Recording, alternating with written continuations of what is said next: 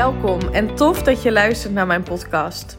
Als jij er klaar voor bent om je droomleven te manifesteren en je goed te voelen over jezelf no matter what, dan is dit de place to be. Mijn naam is Eline en jaren geleden is mijn reis naar zelfliefde begonnen. En nu weet ik dat je door het creëren van zelfliefde al je dromen kunt realiseren. In deze podcast deel ik tips en inspiratie met je op de thema's mindset, wet van aantrekking en laat ik je ervaren dat zelfliefde niet soft en zweverig is, maar juist sexy, krachtig en oh zo belangrijk. Enjoy!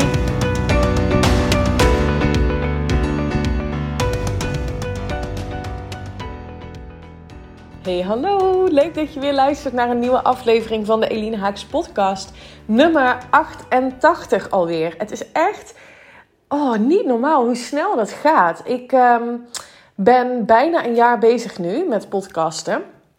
En ik weet nog dat ik dacht in het begin: oh jee, als ik maar genoeg inspiratie heb, of als ik maar genoeg um, ja, content kan delen, waarde kan delen, vooral. Um, voor, voor jullie, voor iedereen. En uh, dat was wel een beetje een, um, een overtuiging dat er op een gegeven moment de onderwerpen op zouden zijn. Nou, en die overtuiging heb ik weten te shiften, omdat er, ja, weet je, er gebeurt sowieso veel in, in mijn leven. Um, wat ik kan gebruiken als voorbeeld. En dat zijn, dat zijn uh, niet per se hele grote gebeurtenissen of zo. Maar bijvoorbeeld wat ik hoor als ik sta, um, als ik in de rij sta bij de supermarkt of zo. Een gesprek tussen mensen, wat me dan opvalt. Of uh, hoe een moeder tegen een kind praat. Of um, nou ja, gesprekken die Michiel en ik hebben over onze toekomst. Wat ik met vriendinnen bespreek. Nou ja, kortom, er zijn altijd, ja, er is altijd wel iets uit te halen voor mij. En ja, dat maakt het in die zin ook wel. Ik ben eigenlijk dus altijd wel bezig in mijn hoofd, ook met mijn werk. En dat vind ik helemaal niet erg hoor. Maar ik had het er met een coachie over van de week. Wat ik trouwens een, echt een heel stom woord vind. Ik weet ook niet waarom ik dat zeg. Een van mijn klanten, een van de toppers, leuke dame, die ik uh, mag begeleiden in haar uh, reis en persoonlijke groei. Met haar had ik het erover. Zij wil wat meer um, doen aan haar zichtbaarheid. Uh, startend ondernemer. En um, ja, vindt dat nog best wel een drempel om, uh, om bijvoorbeeld op Instagram stories te verschijnen. En ik herken dat hoor, van toen ik net begon. Ik vond het ook heel ongemakkelijk. Um, en nu is het zo, ja, zo'n tweede natuur geworden bijna. Dat ik, ik denk vaak in stories. Dus als ik iets meemaak of ik hoor iets, dan denk ik meteen: oh, dat is interessant om te delen op mijn stories. Of um, ik ga er een podcast over opnemen. Dus zo ben ik eigenlijk de hele dag bezig met: oké, maar wat zouden anderen hier ook uit kunnen halen? Voorbeelden en, um, en inspiratie. En um, zo ook deze keer, waar ik het met je over wil, wil gaan hebben. Het kwam ook voort uit een uh, gesprek wat ik met iemand had. En het viel mij heel erg op dat diegene um, ja, heel duidelijk in de slachtofferrol uh, stapte. En dat is iets wat, ja, wat, waar we ons niet bewust van zijn. Zeker niet als je zelf niet heel erg bezig bent met persoonlijke ontwikkeling. En um, ja, dus en ik herken het van vroeger ook. Um, een, een, een voorbeeld van mijzelf waarin ik echt um, dat gevoel van overmacht ervaarde. Dat is eigenlijk wat uh, zelfmedelijden betekent. Zelfmedelijden, dan voel je, um, ja, voel je je echt zielig. intens gevoel van machteloosheid. En daardoor plaats je jezelf in de slachtofferrol. En uh, dat kan omdat je in een bepaalde situatie terecht bent gekomen. Omdat je leven niet helemaal gaat zoals je dat misschien nou ja, vooraf had gewild. En um, ja, dat, dat, dat daardoor een gevoel van zelfmedelijden ontstaat. En ik kan zelf dus ook nog heel goed dat voorbeeld voor de geest halen. Um, ik weet nog dat ik na mijn uh, bevalling, na verlof, um, ben ik in een nieuwe uh, functie gegaan. En die functie die wilde ik per se doen, omdat het een functie was die um, uh, in het managementteam was en ik veel meer strategisch bezig kon zijn. En um, ik had zelfs gesprekken over aandelen binnen het bedrijf. En dat vond ik, ja, ik vond, daar, ik vond dat heel, ja, het was een stukje status, laat ik het zo zeggen. Ik vond het wel tof. En ehm, die functie was dus alleen voor 36 uur. En ik dacht, nou, dat ga ik doen. En ehm, nou ja, met een baby ehm, en Michiel die een fulltime baan uh, had, voelde dat soms best wel overwhelming. Best wel veel. En ik weet nog dat Michiel heel erg bezig was met zijn persoonlijke ontwikkeling. Die nam echt momenten, vaste momenten om te sporten, om te mediteren. Uh, nam altijd een boek mee. Hij, werkte, wij woonden toen nog in Amsterdam en hij werkte in het centrum van Amsterdam. En ging iedere dag met de tram. En dan nam hij zijn boek mee en dan ging hij daar lezen of uh, mediteren met zijn oortjes in. En um, ja, ik, ik was daar best wel een beetje jaloers op. Uh, dat hij dat deed en dat hij die tijd ook pakte om dat te doen. En dat hij ook dus niet alleen hè, dat, dat, woon-werkverkeer een moment pakte, maar ook thuis. En nou ja, ik zorgde voor de boodschappen. Um, ik zorgde dat er eten op tafel stond. Um, ik haalde Teun vaak op als ik terugkwam van mijn werk. Uh, die was dan op de kinderopvang. Nou, en ik weet nog dat er een moment kwam dat ik uh, wakker werd, s ochtends, en dat ik te laat was. Dat ik hem had verslapen. En um, ja, dat Michiel eigenlijk ook uh, al weg moest. En um, ik bleef staan met de vieze vaat en um, ontbijtresten. en dat ik echt dacht, en Michiel zei, ja, ik, eh, I gotta go, mijn tram gaat zo. En ik ga er vandoor en die pakt zijn boek en die loopt op zijn gemakje naar de tram. En ik weet nog dat ik daar in de keuken stond en dat de tranen in mijn ogen sprongen van hoezo? Waarom moet ik hier alle ballen in de lucht houden? Waarom ben ik nou verantwoordelijk dat het huis hier aan kant is voordat we allemaal vertrekken? Waarom ben ik nu verantwoordelijk dat uh, de koelkast gevuld is? Waarom ben ik verantwoordelijk dat. Uh, nou ja, ga zo maar door. Hoe, hoezo heb ik geen tijd? Ik heb geen tijd om te werken aan een gezond lichaam of te mediteren. Daar heb ik helemaal geen tijd voor. En ik plaatste mezelf dus in een slachtofferrol. En om heel eerlijk te zijn, ik ben benieuwd of je dit herkent. Of jij misschien ook wel een voorbeeld hebt. En dat, weet je, alleen jij kunt dat nu, als je dit hoort, nou ja, voor jezelf nagaan of dat zo is. En ben dus heel eerlijk naar jezelf. Zelfmedelijden kan namelijk ook heel erg comfortabel aanvoelen. Hè? Want het betekent namelijk dat als jij jezelf dus in die slachtofferrol plaatst, dat de schuld van een situatie bij iemand anders ligt. En dat iemand anders dus zou moeten veranderen. Ik vond echt serieus dat Michiel moest veranderen. Dat hij um, andere keuzes moest gaan maken. Zodat ik me beter ging voelen over, nou ja, noem even het huishouden. Dus um, heel erg de omgeving de schuld geven. Um, van wat er allemaal gebeurt. En ik was ook echt van overtuigd van ja, maar hallo, het ligt niet aan mij, want ik doe zo hard mijn best. Ik regel het hier allemaal. Uh, ik kan er niks aan veranderen. Hij moet veranderen.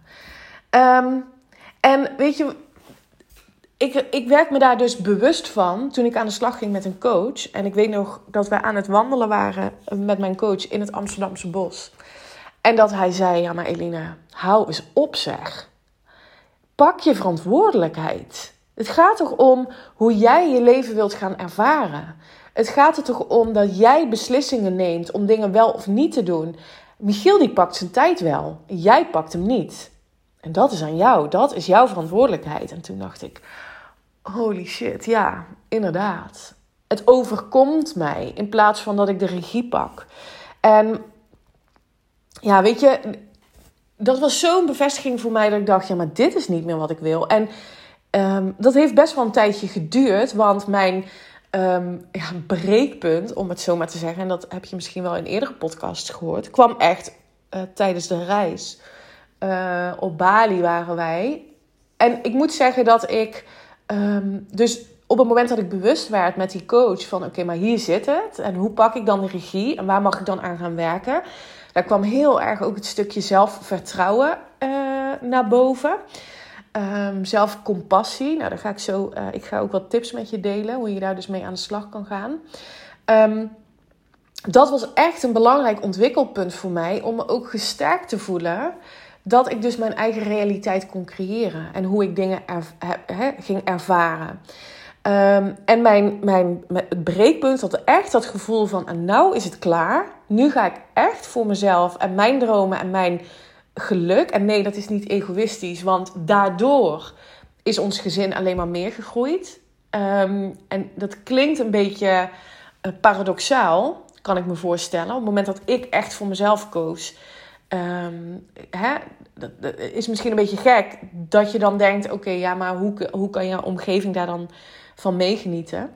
Ehm, en dat is echt waar. Als jij echt gaat staan voor wat jij wil, uh, de relatie met jezelf versterkt, dat gevoel van zelfvertrouwen um, versterkt.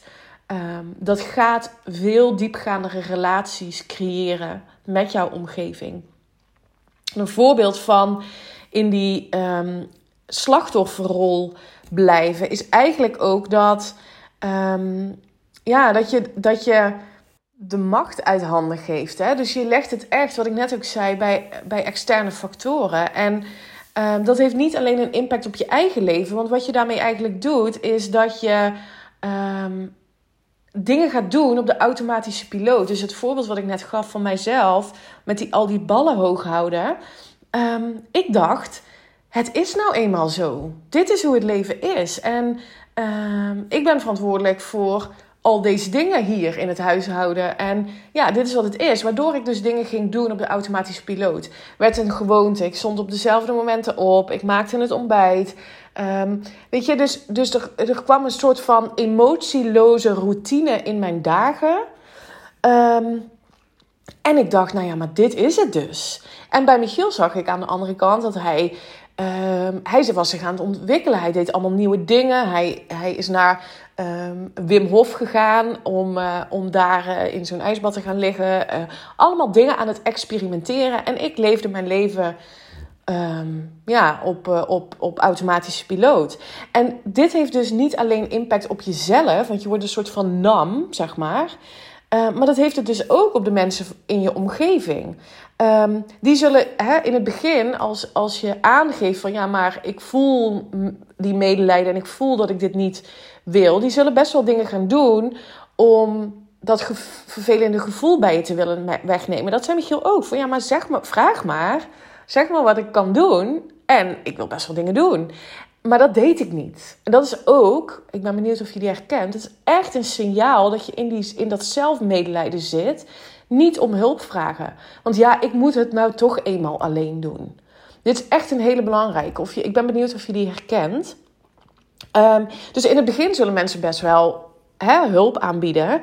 Maar ja, zolang jij die hulp niet aanvaardt, of op een gegeven moment hè, ook niet meer gaat, gaat vragen om hulp, ja, dan zullen mensen denken: ja, prima, dan niet. Um, en dan neemt die sociale connectie gaat ook afnemen.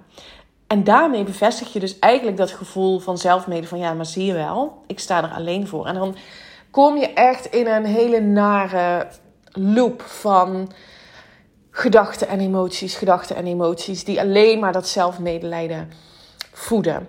Nou, ik werd me daar dus heel bewust van, doordat ik aan de geslag ging met die coach. En ik wist ook, um, waar mag ik dan nu aan gaan werken? En ik heb even vier tips voor je opgeschreven die voor mij echt um, een gamechanger zijn geweest. En wat ik je gun. Dat, dus als jij dit bij jezelf herkent, hè, dus echt die zelfmedelijden, dat machteloze gevoel.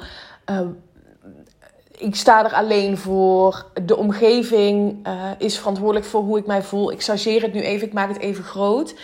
Want het hoeft ook niet zo te zijn dat dat iedere dag zo is. Maar misschien herken je wel situaties waarin dat zo is. Um, bijvoorbeeld in het huishouden of met je gezin. Die ballen hoog houden. Um, dus, dus ik wil je graag vier tips meegeven om je bewust te maken um, wat je kan doen op het moment dat je dit soort dingen bij jezelf uh, herkent. En e de eerste belangrijke tip is om te stoppen met jezelf de waarom-vraag te stellen. De waarom-vraag um, is namelijk niet relevant. En met waarom bedoel ik um, het willen verklaren. Waarom uh, moet mij dit nou overkomen? Waarom ben ik niet mooier? Waarom sta ik er altijd alleen voor? Waarom moet ik dit altijd oplossen? Um, het probleem namelijk is dat je dus eigenlijk weet je, je gaat hier geen antwoord op vinden. Sterker nog, als jij jezelf die waarom-vraag blijft stellen, dan zorg je er dus eigenlijk voor dat je in die situatie blijft zitten. Want je blijft het maar herhalen, waardoor je dat gevoel van zelfmede alleen maar, zelfmedelijden eigenlijk alleen maar versterkt. Um, en als je dan toch de behoefte voelt om het ergens te analyseren tussen haakjes, dan zou ik je willen uitnodigen om uh, meer naar een vraagwoord te gaan, omdat je daarmee je brein openstelt voor oplossingen. Dus bijvoorbeeld, oké, ik merk dat deze situatie, um, dat ik dat niet prettig vind. Wat kan ik doen om het te veranderen? Wat kan ik doen om, uh, om dit op te lossen? Als je jezelf die vragen stelt, dan um, licht je eigenlijk delen in je brein op die um, gericht zijn op antwoorden. Dus op een gegeven moment als je dit gaat uh, oefenen, dan zul je merken dat je deze vragen ook automatisch gaat um, vinden. Dat je deze vragen jezelf automatisch gaat stellen. Um, en waardoor je al minder in die slachtofferrol gaat. Misschien wel helemaal niet meer. Want dit is echt wel essentieel. Um, de tweede is, verander je, de tweede tip bedoel ik daarmee, verander je perspectief. Verander hoe je naar bepaalde situaties kijkt. Want hoe we ons voelen wordt bepaald door de manier waarop we naar zaken kijken. Dus als je je um, verdrietig voelt, bijvoorbeeld door een bepaalde tegenvaller, dan is het echt oké om die emotie te laten, er te laten zijn. Maar probeer dan in ieder geval om anders naar de situatie te kijken. Dus wat kan ik ervan leren? Waar zit een oplossing? Wat kan ik wel doen? Um, jezelf constant blijven triggeren om uh, positief, toekomstgericht jezelf die vragen te stellen. Er anders naar te gaan kijken. Wat kan ik hier ook uithalen? Um, tip 3. Um, neem je verantwoordelijkheid. Dit was echt, nou ja, wat ik zei met die coach. Het was zo'n eye-opener dat ik dacht: oh my, ik geef dus echt die regie uit handen door de omstandigheden um, te laten bepalen hoe ik mij voel. Ik kan die verantwoordelijkheid zelf nemen. Sterker nog, ik geloof echt dat je dat moet doen. Ik ben niet. Uh, ik ben zeker geen fan van het woord moeten, maar in dit geval uh, bekrachtig ik hiermee dat dit een essentieel onderdeel is. Als jij een leven wilt leiden op jouw voorwaarden. En als jij dromen wilt gaan bereiken. Als je dingen wilt gaan doen. Um, dan zul je verantwoordelijkheid moeten nemen. En um, ja, aan de slag willen gaan met je, met je mindset. Um, want zelfmedelijden is een emotie waar je echt geen fuck aan hebt. Echt helemaal niks eventjes het gevoel hebben dat alles tegen zit, is echt wel menselijk. Maar je vervolgens wentelen in, in zelfmedelijden heb je echt geen fuck aan. Dus stop daarmee. Neem die verantwoordelijkheid. Ga actie ondernemen om aan de slag te gaan met negatieve gedachten. Um, verander de kijk op dingen. Verander je mindset.